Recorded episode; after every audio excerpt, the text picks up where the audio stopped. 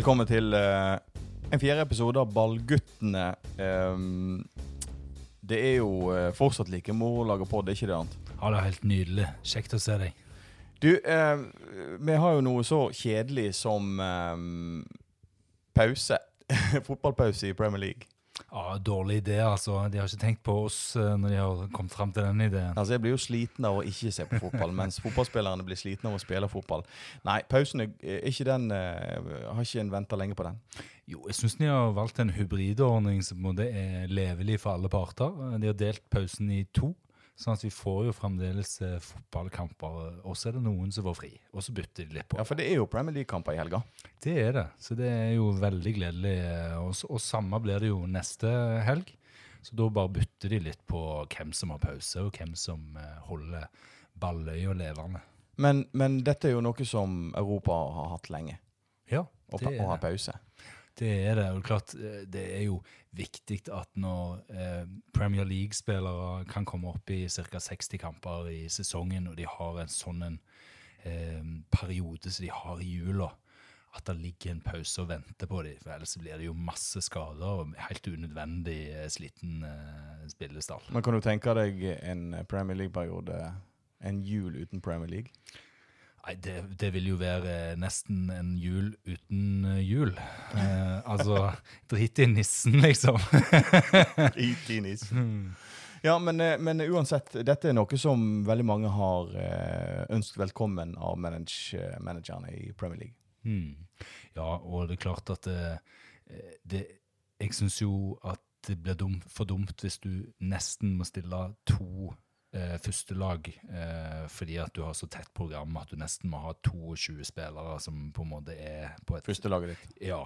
Sant? Du må jo ha tid til å bygge rekruttering. Du er nødt til å på en måte ha den utviklingen med unge spillere osv. Og, så og da er det greit å legge noen små pauser innimellom. Altså. Jeg tror det er veldig fornuftig for produktet. Men grunnlaget tidligere år Du har jo sett noen lag i, i, i tidligere sesonger av Premier League der eh, topplaget har eh, ledet med kanskje ti eh, poeng. Jeg husker jo Manchester United òg for noen del år tilbake under Ferguson og ledet med ti poeng, og så ble det faktisk City, altså en sånn kniving her på slutten der. Og, og, og vil Klopp og Liverpool ha en fordel av at de nå får den første vinterpausen? Ja, det kan, eh, kan vi spekulere i. Altså, de virker så bånn solide nå uansett. Så uansett så Ja, De virker helt untouchable. Det er det verste jeg har sett. Altså, det er, de har altså så god kontroll denne sesongen i alle faser av spillet. Til og med kamper der ikke alt fungerer 100% så virker det liksom krystallklart at de skal ta tre poeng allikevel. Dette er sikra til, helt til mai. Ja, det blir veldig spennende å se hvor lenge de kan holde koken uten et tap. Eh, Det virker jo oppnåelig å gå en hel sesong uten å, uten å tape når de har kommet så langt som de har gjort nå. Har vel, Er det 13 kamper vi har igjen, Kai, nå? Så det er jo absolutt innenfor rekkevidde. eh, Og det vil jo være helt sinnssykt. Hvem er det som eh, nyter best av eh, denne vinterpausen? Nei, Det har jo vært en del eh, klubber som har hatt mye skader. Klart De som har langsiktige skader, vil jo ikke ha noe betydning. Men som småskader her og der, så vil jo det være veldig nyttig noe med en liten pause. Jeg tenker jo ofte disse klubbene som ligger i bånn og slåss, som på en måte trenger hver eneste eh, av de få stjernespillerne. som tenker sånn som Watford og Bournemouth og eh, Southampton og Westham det er jo typiske klubber som på en måte kan nyte godt av en eh, hviletid, for de har på en måte ikke den eh, stallen som topp fire-lagene har. Vår eh, gode nordmann Solskjær eh, har jo kniven på strupen. bare eh, Ja, laget ikke skårer og laget ikke vinner, og gud bedre meg. eh, han har vel ikke gilt av en pause, han heller. Men klarer han å gjøre noe? Klarer han å fikse ting? Det er veldig spennende nå. Med disse to signeringene som han nå fikk på plass i, i januar-vinduet. Eh, Bruno Fernandes er jo en fantastisk spiller. Det, Jeg, det, jeg så jo den kampen mot Wolves der, eh, 0-0. Um, og da var det liksom han Kommentatorene på TV sa det at nei, han har ikke klart å, å påvirke. Synes. Jeg syns han var en eh, positiv kraft i det laget. Han har en ekstrem trygghet med ballen. Fantastisk overblikk, og ikke minst en altså Han er jo en målsnik og en assistkonge av dimensjoner. Så det der bekymrer meg overhodet ikke. Han kommer til å heve Premier League-produktet. Kommer til å bli en stjernespiller for Solskjær sine menn. Og så er spørsmålet om det er tilstrekkelig. For du kommer ikke unna at du har en 30 år gammel halve eh, skal si, halvinteressant spiss som de henter i, i Igalo. Eh, ja, For de måtte til Asia for å få eh, spissen sin? Ja, og Igalo er jo altså Det som er kult med Igalo, er jo at han har vært United-supporter hele livet. Han har spilt for Lyn i Norge, så han har jo på en måte vi har jo et forhold til han. Eh, fantastisk talent. Eh, men har alltid vært litt sånn litt sånn smådårlige holdninger og gått etter pengene framfor karrieren. og Derfor havna han jo i Kina. Så det er veldig spennende. Men klart, er det noen som skal klare å motivere han til å yte sitt absolutt beste, så er det United. Og de trenger sårt en spiss. Det er vel strengt tatt et dårlig argument å være United-supporter. Det er mange United-supportere her i Bergen som ikke fortjener en spissplass på, på, laget. Ja da, men det er klart at de var desperate her. Og Rashford som er skada, de må ha et alternativ. Ellers blir det for mye ansvar lagt på Greenwood. Og Martial ser du jo at han har klare begrensninger, så han kan ikke spille alle kampene. Hadde du trodd at uh, Tottenham Mourinho skulle klare å slå City i helga? Nei, altså det, men Mourinho altså uansett, Han er jo en omdiskutert karakter, men han er jo en fantastisk taktiker. altså Det var jo noe av det mest urettferdige jeg noen gang har sett. Men så tenker jeg sånn, det er Mourinho som står bak dette her. Eh, det er ikke tilfeldig at han klarer å snike til seg eh, tre veldig ufortjente, men, eh, men gode poeng for Tottenham. og over natten her så ser vi jo at Tottenham plutselig seiler fram som en veldig spennende kandidat til den fjerdeplassen. Mm.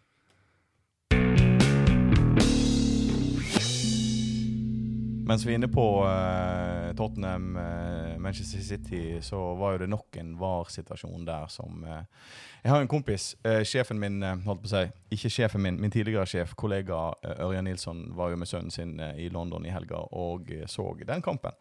Og han tenkte jo det at den store høyderen på den turen var jo det at han fikk vise sønnen Ta han med på denne omvisninga mm. til Tottenham. Eh, det viser seg at eh, det skulle bli uendelig mer, en uendelig mye mer høydere når eh, de klarte å vinne 2-0 mot City. Men VAR-situasjonen Nok en VAR-diskusjon. Spørsmålet mitt til deg, Arnt, er VAR eller ikke VAR? Det er et veldig godt spørsmål. og Du, du merker jo at dette her opptar jo altfor mye av tida vår, både som fans og som ekspert og som manager. Altså, Frustrasjonsnivået er kjempehøyt. Og det går litt på hva Premier League har gjort VAR-produktet til, etter min mening. For det er klart at det, eh, Vi hadde en situasjon her eh, der Raheem Sterling eh, treffer altså Dele Ali på en så eh, graverende måte at for meg er det helt utenkelig å ikke gi rødt kort i den situasjonen. Og så spoler vi tida litt tilbake igjen til når eh, Arsenal spilte mot Crystal Palace. Og Aubameyang han eh, traff Max Meyer, som spiller Crystal Palace, på akkurat samme måten. Og der vurderte var det som rødt kort. Så det jeg tenker at nå må de ta så legge ned det der eh, tårnet med masse sånne nisser som sitter med computeren og skal se dette i alle mulige vinkler, og så heller gi den jobben til dommeren, sånn som resten av Europa gjør kjøre opp noen monitorer på sida av eh, fotballbanen, så dommeren kan gå bort der, ta en vurdering og på en måte eie den situasjonen. Ja, for situasjonen, Forskjellen er det at, eh, at, i Europa så er det faktisk dommeren som går på sidelinja, ser på, på opptak og, og, gjør en vurdering. I England så er det faktisk andre som gjør den vurderingen. Ja, og du merker at dommeren blir sånn malplassert òg. Sant? Alle går bort til dommeren og lurer på hva skjer nå, og så står dommeren også som et spørsmålstegn, for han har jo ikke noe herredømme over denne beslutningen. Så jeg føler at de har virkelig bomma her, og det skaper en enorm utrygghet og frustrasjon når du på en måte ser at dommeren det er ikke han som eier beslutningen her, det er et, et eller annet tårn i London som styrer. Så her må Premier League virkelig ta seg av pære. Altså. Jeg syns det er helt latterlig. Men, det, men, men, du mener fortsatt at VAR har en plass i fotballen å gjøre, eller det, skulle de ha droppa faenskapet? Ja, jeg kjenner litt på det. Eh, det er ingen tvil om at VAR har eh, gode eksempler òg, der de virkelig har vært viktige. Eh, sett situasjoner som ellers aldri ville blitt fanga opp. Men jeg blir jo litt småirritert når armhulen til eh, Firmino får offside mot Aston Villa. Altså Når de begynner å streke og finne ut at det er én millimeter eh, offside her, eh, da tenker jeg vi har misforstått. Så bruker de eh, to, kanskje tre-fire minutter av kampen på å måle den armhulen. Da kjenner jeg at vet du hva, det er ikke, et, det er ikke noe teknisk greie, dette her. Altså det, Igjen der så er det dommeren som må få lov å ta beslutningen der og da, basert på video, og vi må slutte med de der linjalene som vi bruker tre minutter på. Det jo Ja, hva, vi skal, hva skal vi kvitte oss med i VAR? Hvis Var- du skulle fått velge. Var mener jeg at dommeren fremdeles skal ha alle muligheter til å ta alle beslutninger uten å bli overstyrt av noen som helst. Han skal få utdelt et, eh, en eh, video eh, som, der han kan se repriser av situasjoner som potensielt sett kan styrke han i vurderingene sine. Men at han sjøl eier de. Det er dommeren som styrer dette her. Det er ikke noen tekniske greier som blir eh, styrt av noen andre. Det er dommeren som er sjefen. Ferdig snakka. Eh, alternativ to er jo å bare bruke det til åpenbare offsider aldri bruke det i tilknytning til eh, Men da vil du få episoder der folk vil stille spørsmålstegn hvorfor har vi VAR i det hele tatt, når vi da får sånne opplagte. Så jeg tror ikke vi kommer unna at VAR blir en del av fotballen, men vi kan bestemme hvem som skal ha beslutningsmyndighet, og det mener jeg hører hjemme hos en dommer. Vi snakker jo aldri om eh, norsk fotball, men eh, kommer VAR til Norge? Det, ble, det er jo en forferdelig dyr investering, men eh, ja, jeg vet ikke hva Norge, Norges Fotballforbund tenker, jeg, altså. Men eh, eh, vi har jo fremdeles eh, Ranheim og sånt i Eliteserien. Det er klart at potensialet for sånne ekstreme investeringer er jo ikke til stede. Eh, så jeg tror kanskje vi kan få eh, Vi kan kanskje få en hybridløsning, men jeg tror ikke vi eh, Jeg tror det, tror det blir noen år til, i hvert fall. Skal vi la eh, Premier League-pause ved Premier League-pause? Ja, jeg syns det. Vi har masse annet. Akkurat nå, når vi snakker i dag, så er det omkamper i FA-cupen. Og Birmingham spiller mot Coventry. Denne gangen på heimebane. Denne gangen får de bruke sin egen garderobe.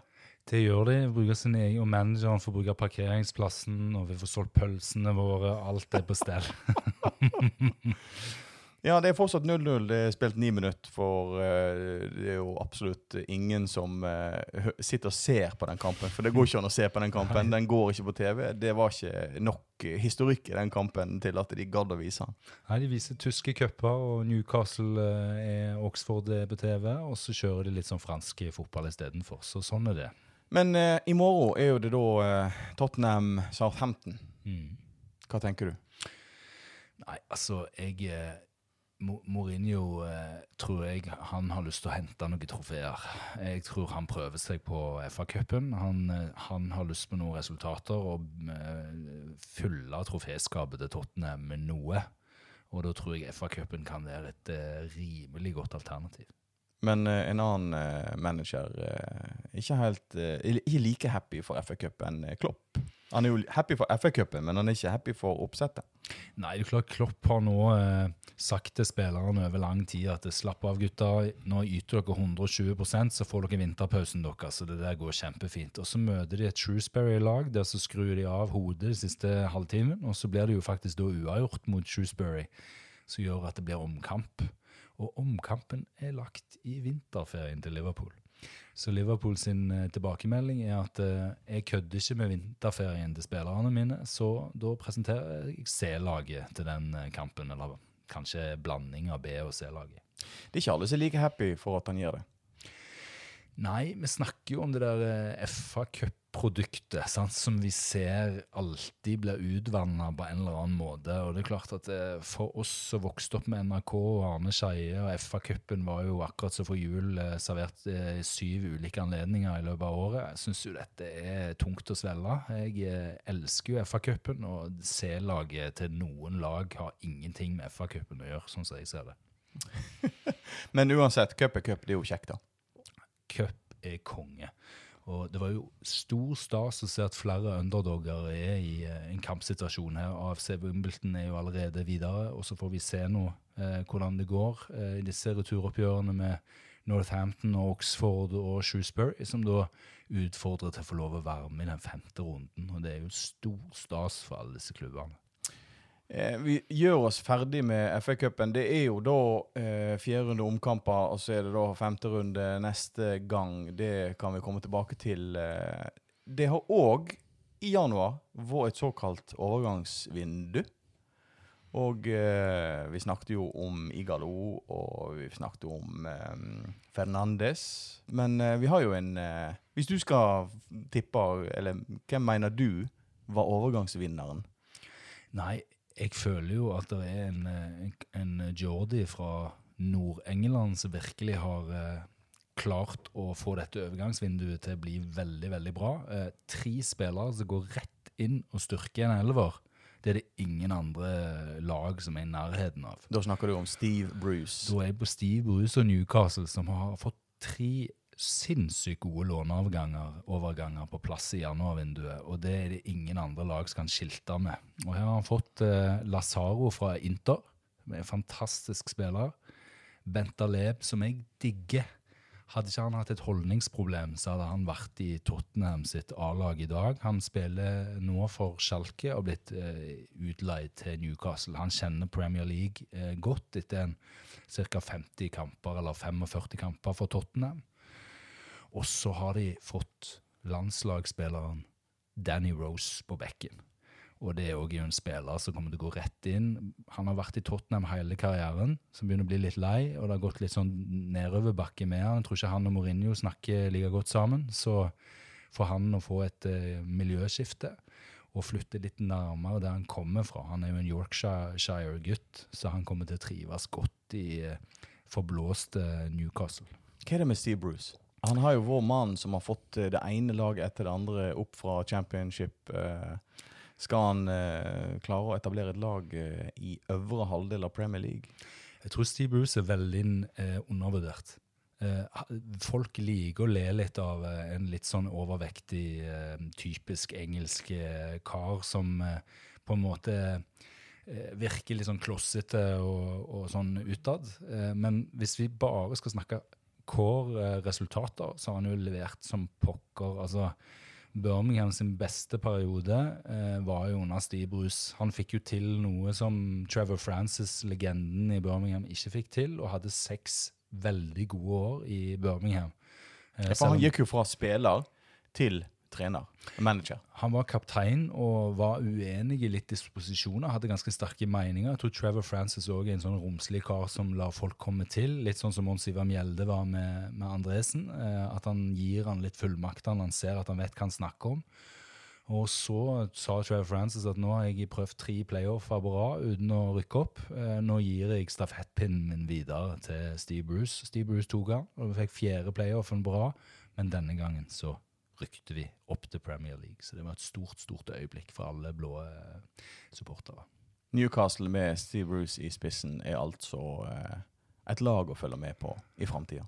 Ja, jeg syns det. Altså Materialet nå Han har jo fått maks ut av den gjengen der. Det er jo helt utrolig at de på en måte ligger midt på tabellen i, i Premier League eh, med et veldig beskjedent materiale. De faktisk var svekka i forhold til i fjor tar Steve Bruce over og får maks ut av den gjengen. Og er det noen som spiller med hjertet ut på den drakten og kompenserer den veien, så er det Newcastle. Altså Hvis du er die hard eh, engelsk fotball-dude som bare elsker saftige taklinger og god innsats, så vil jeg anbefale deg å kose deg litt mer med Newcastle i tida framover. Apropos eh, overganger. Vi fikk jo en uh, ny nordmann i Premier League. Ja, det var veldig kjekt. Var ikke det kult? Ja, det var kjempekult. Og han var jo møleutslitt. Vi snakka jo om Sander Berge. Ja, og for et varp av Sheffield United. For for en spiller han er, og for en spiller han kommer til å bli. Altså, det er et kjempebra signing for Premier League. Og det er et kjempebra signing for Sheffield United, som faktisk ligger og sniffer på den fjerdeplassen, de òg. Det må vi ikke glemme. selv om altså, Det hadde vært et eventyr som nesten kan likestilles med når Leicester vant eh, Premier League. Det er jo ganske spennende. De ligger på sjetteplass, altså. Hvem hadde trodd det? Ja, de ligger faktisk foran United, som vi kaller Manchester United. Men kanskje vi skal begynne å kalle United, Sheffield United for United? og, og, og den var Ja, vi lo veldig hardt inni oss. Ja, vi gjorde det.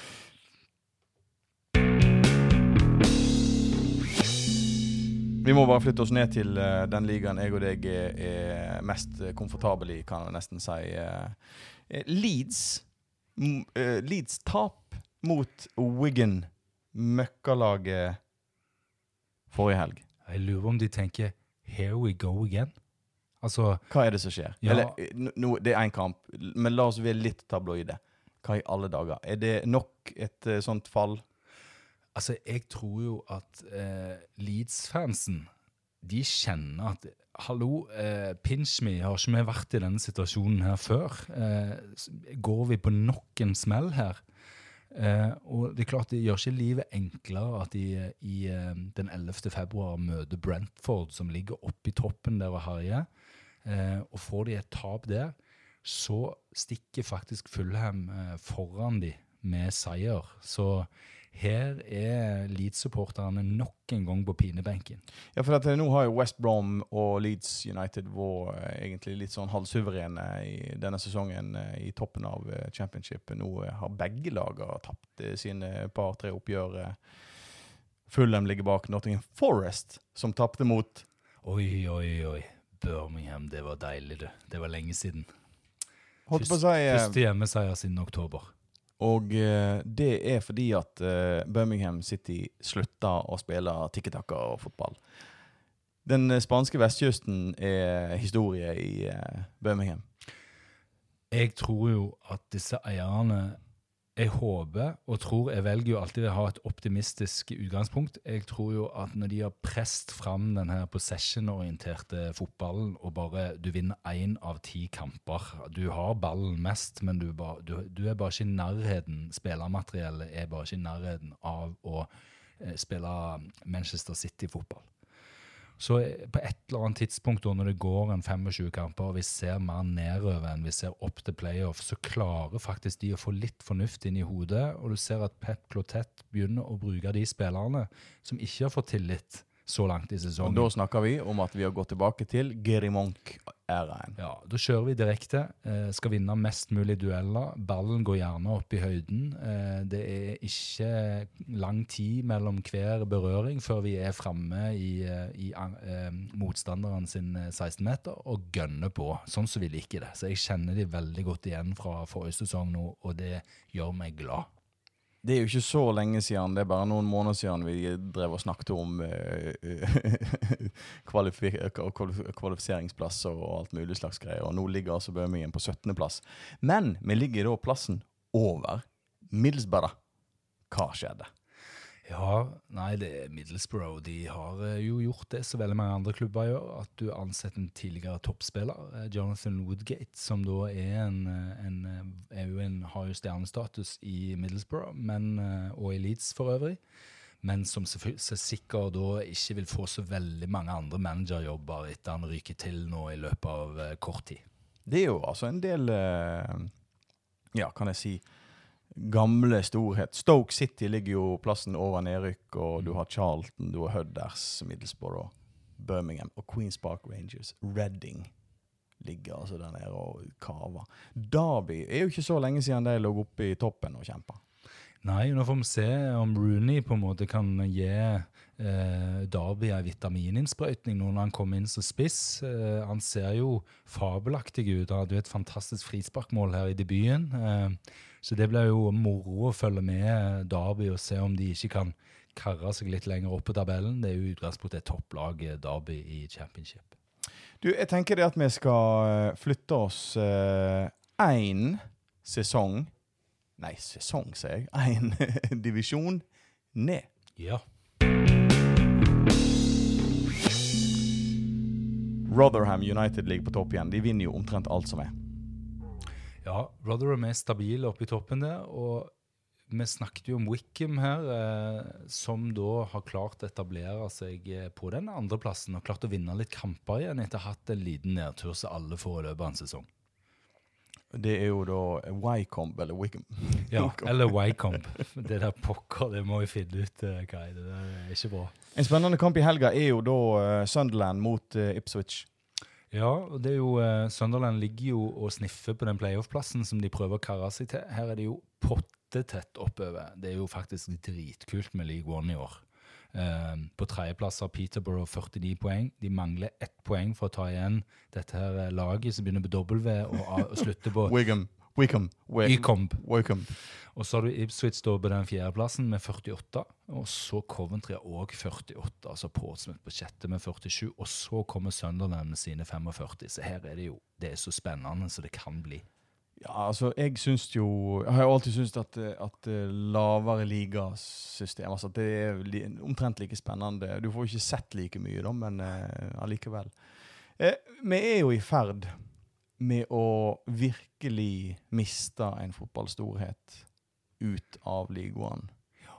Elleve poeng, Bolton Wonders. Ja, snur vi oss, snur vi tabellen her, så ser vi jo at det ligger et, e- ei enslig svale på, på bånn der med elleve poeng. Hva skjedde, liksom?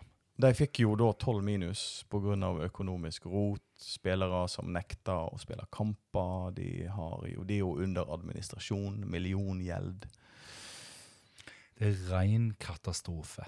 Altså det er, Hvis vi trodde at vi eh, i Birmingham hadde problemer, så tok vi veldig feil. For at eh, det Bolten står i nå, det er jo helt katastrofalt. Eh, med sikkerhet så er de en del av league two-systemet neste år. Ja, for de har jo nå spilt 26 kamper, de har 11 poeng. Og da, de skulle jo hatt uh, 12 flere, men uh, de har jo da uh, ikke overlevd den minusen som vi overlevde i fjor.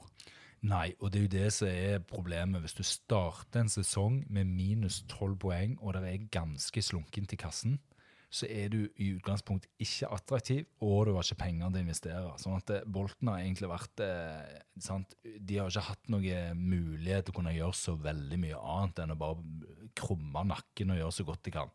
Dette var jo et lag som eh, spilte i Premier League. Dette var et lag som hadde Nicolas Anelka som toppskårer. Dette var jo et lag som hadde Big Sam som manager i sin tid.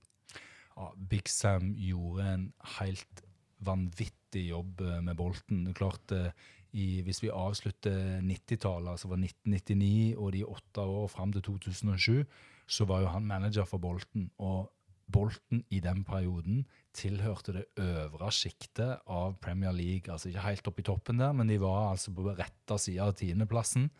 Um, og det som ble sagt den gangen, var jo at Big Sam, når du ser han, så tenker du at det er en eller annen sånn eh, hulk, eh, litt primitiv eh, engelsk fyr. Men han var den, den første manageren som innførte uh, dette med yoga og dette med hjernetrening på spillerne for at de skulle ha en riktig, riktige mentale tilnærming. Og det, det som han ble kjent for, var jo det var en del spillere som Sanelka og Kocha, som hadde en del utfordringer rent mentalt. De hadde egentlig alle forutsetningene til å lykkes, men det mentale spilte ikke på lag. Så kom de altså til Bolten, og da starta karrieren deres virkelig å blomstre. Og, og alle eh, peker på at det var Big Sam sin filosofi og måten han, han drev man-to-man management med, som gjorde at disse spillerne da eh, begynte å blomstre sammen med Bolten sine resultater. Så han er, en, eh, han er virkelig Big Sam, altså. Det, han er Big Sam. 65 år har han blitt. Mm. Det er en, eh, alderen sin. Ja. Men det er jo eh, han og, eh, og det som skjer i blues nå, selv om vi har en spansk trener, eller manager, så er jo det det at den britiske fotballen og den britiske filosofien, den er ikke utdøende. Overhodet ikke. Altså, og det er jo den som gjør at jeg tror engelsk fotball, i tillegg til selvfølgelig er mye penger og det er masse gode spillere, men championship er jo den sjett mest populære ligaen i verden, altså engelsk andredivisjon. Og jeg tror at den direkte spillestilen, den enorme aggressiviteten, den viljen, den hjertet ut på drakten, fotballfilosofien som ligger i championship, den, den appellerer for veldig mange. Eh, og jeg er jo veldig stolt av at Birmingham har vært en, eh, en fanebærer for den fotballen. Eh, og når vi prøvde oss på dette eksperimentet som har gått rett i dass, så er det veldig kjekt for meg å se at nå begynner vi å finne vårt gamle jeg igjen. Og det håper jeg vi får lov å fortsette med. Jeg tror vi skal forlate den eh, britiske øya, og så skal vi eh, bevege oss litt utover.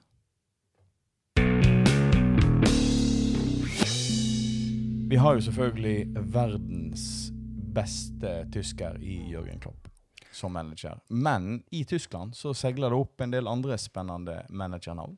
Ja, Bundesliga begynner jo å bli fryktelig spennende. Det er klart Når vi har fått eh, så jeg en liten eh, reportasje her der Bryne, eh, min kjære hjemmeplass, har begynt å selge Dortmund-drakter med Haaland på. Og det er jo det produktet som, som det er mest rift om i supportershoppen. For å dra en parallell, da, så må jo jeg si at det er veldig kjekt å se tre managere som har en veldig høy profil, som har kommet til Bundesliga. I hvert fall de har et høyt, høy profil i mitt hjerte.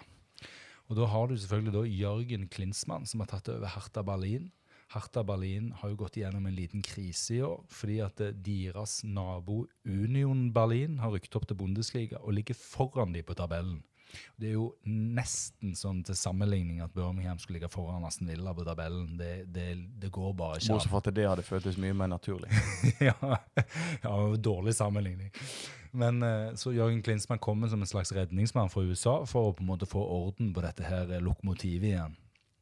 Og så har du jo David Wagner, som var denne fantastiske tyskeren som egentlig ble introdusert som en kompis av Klopp. Eh, tok over Huddersfield, og alle tenkte OK, eh, hva skal du med det? Eh, og så, oi sann, rykte de opp til Premier League sammen med David Wagner.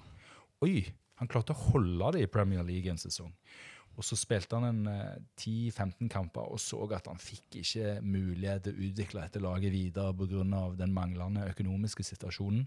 Så da ga han seg med flagget til topps midt i Ja, og apropos det, hvordan går det med Hudders nå? Eh, 20.-plass. Ja. Championship. Ja, og da rykte jo selvfølgelig Huddersfield ned, og vi kommer nok ikke til å se de i Premier League er på 50 år, tenker jeg. Så det var en sånn one-timer. Så David Wagner har nå overtatt Schalke, og Schalke har han fått skikkelig sving på. De ligger og leker og rett bak eh, topp fire-lagene i Bundesliga og slåss egentlig fremdeles om en, eh, om en championship, eh, unnskyld, en Champions League-mulighet for å, å, å kvalifisere seg. Så han er jo en kjempeprofil. Og så har vi fått en, tilbake en gammel kjenning. Nøkkelordet her er Fleetwood. Leeds. Leeds. Norsk eh, eliteserie. Ja, Malmö. Lillestrøm. Ove Røsler is back in Germany. Og han har blitt tatt inn som en redningsmann, fordi at Düsseldorf de ligger på ant sisteplass på direkte nedrykk. Eh, og det var så deilig for meg å ta på eh, TV 2-sporten, der jeg ser en mann hive ei flaske alt han kan i, eh, i gresset. Da er det Ove Røsler som blir dritforbanna fordi at VAR har gitt motstanderne straffe på overtid i det 93. minutt, som gjorde at Fortuna Düsseldorf da ikke fikk den seieren som de da gikk for. Så det ble uavgjort i den første kampen. da. Men det er deilig å se den aggressive, hissige østtyskeren back in business. Vi skulle jo egentlig reise, og eh, når vi drev fotballpreik, så skulle vi reise til England, og så skulle vi eh, intervjue Ove Røsler. Men han fikk sparken. Han røyk til. Uh, Leeds er en stor klubb med store forventninger. Uh, Røsler innfridde nok ikke helt det, uh, men han er en fantastisk manager, og den jobben han gjorde i Malmö, var jo helt super. Så Når vi er, først er i eh, tysk eh, Bundesliga eh, Vi har jo snakka om denne her ungfolen før, men Borussia Dortmund har jo dette, dette er mer enn et skop. Dette er historie in the making. Sju mål på tre kamper. ja. Erling Haaland. han har bare funnet en klubb som passer han som hånd i hanske. Altså med Sancho og den gutten, den gjengen der, det er et så solid lag. Så nå blir det veldig spennende. Klarer de å tukte Bayern München? Bayern München også har jo funnet formen på akkurat samme tidspunkt. Begge lagene ser helt uovervinnelige ut. Så det blir veldig spennende på slutten å se. Klarer Dortmund med Haaland i spissen ta Bundesliga-gullet? Det hadde jo vært helt vilt. Solskjær har jo òg blitt kritisert for dette òg, at ikke han klarte å få Braut Haaland til United. Eh, Men hadde eh, Erling Braut Haaland skåra sju mål på tre kamper for United? Han hadde iallfall eh, gitt de en helt annen angrepskompetanse enn det de har i dag. For han er så direkte, han er så bevegelig, han er så farlig at så lenge du klarer å mate den spilleren der med gode innlegg, så kommer han til å levere uansett. Sånn er det bare. Akkurat nå så er han helt uovervinnelig. Når eh, Solskjær ble manager for Cardiff, så gikk jo han på norske kjøp eh, og bomma eh, brutalt. Hardt og brutalt. Eh. Solskjær, Sander Berge, Haaland eh, og eh, King på United hadde vel vært kosen sin. Ja, det er klart at eh, Solskjær skal nok være forsiktig med å han, eh, gjøre United til et norsk lag. Brent Eh, barn og alt det der. Ja, alt det der. sant? Så jeg tror nok han må ha fokus på den strategien som United har. De har henta inn Bruno Fernandes, som er kjempebra. Og så klarte de ikke, og det har de jo veldig mye til felles med de andre klubbene. Er så vanskelig å hente spillere i januarvinduet. Det er kjempevanskelig. Så det er jo bare Steve rus da, som klarer å finne en eller annen nøkkel som ingen andre kan finne, som gjør at Newcastle klarer å forsterke seg. Men stort sett de andre klubbene har kanskje funnet en enkeltspiller, men de har ikke klart å forsterke mer enn det.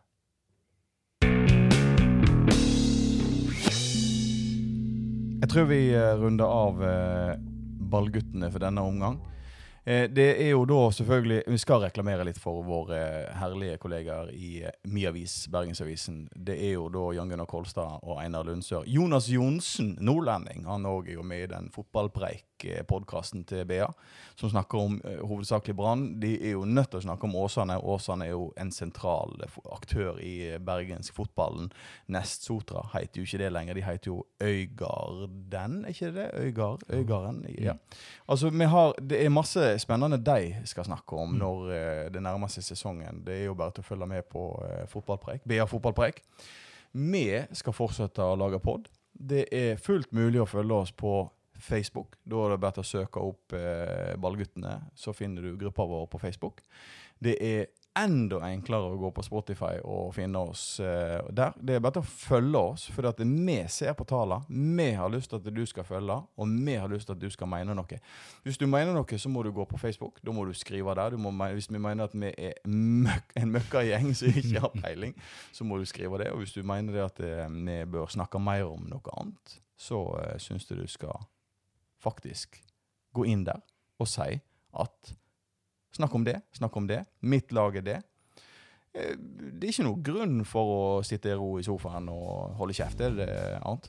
All kritikk er god kritikk. Så eh, vi er klar så lenge det kommer- dukker opp et tema, så angriper vi begge hendene så lenge det handler om fotball. Sant? Og da er vi tilbake så fort det fysisk lar seg gjøre. Absolutt. See you soon.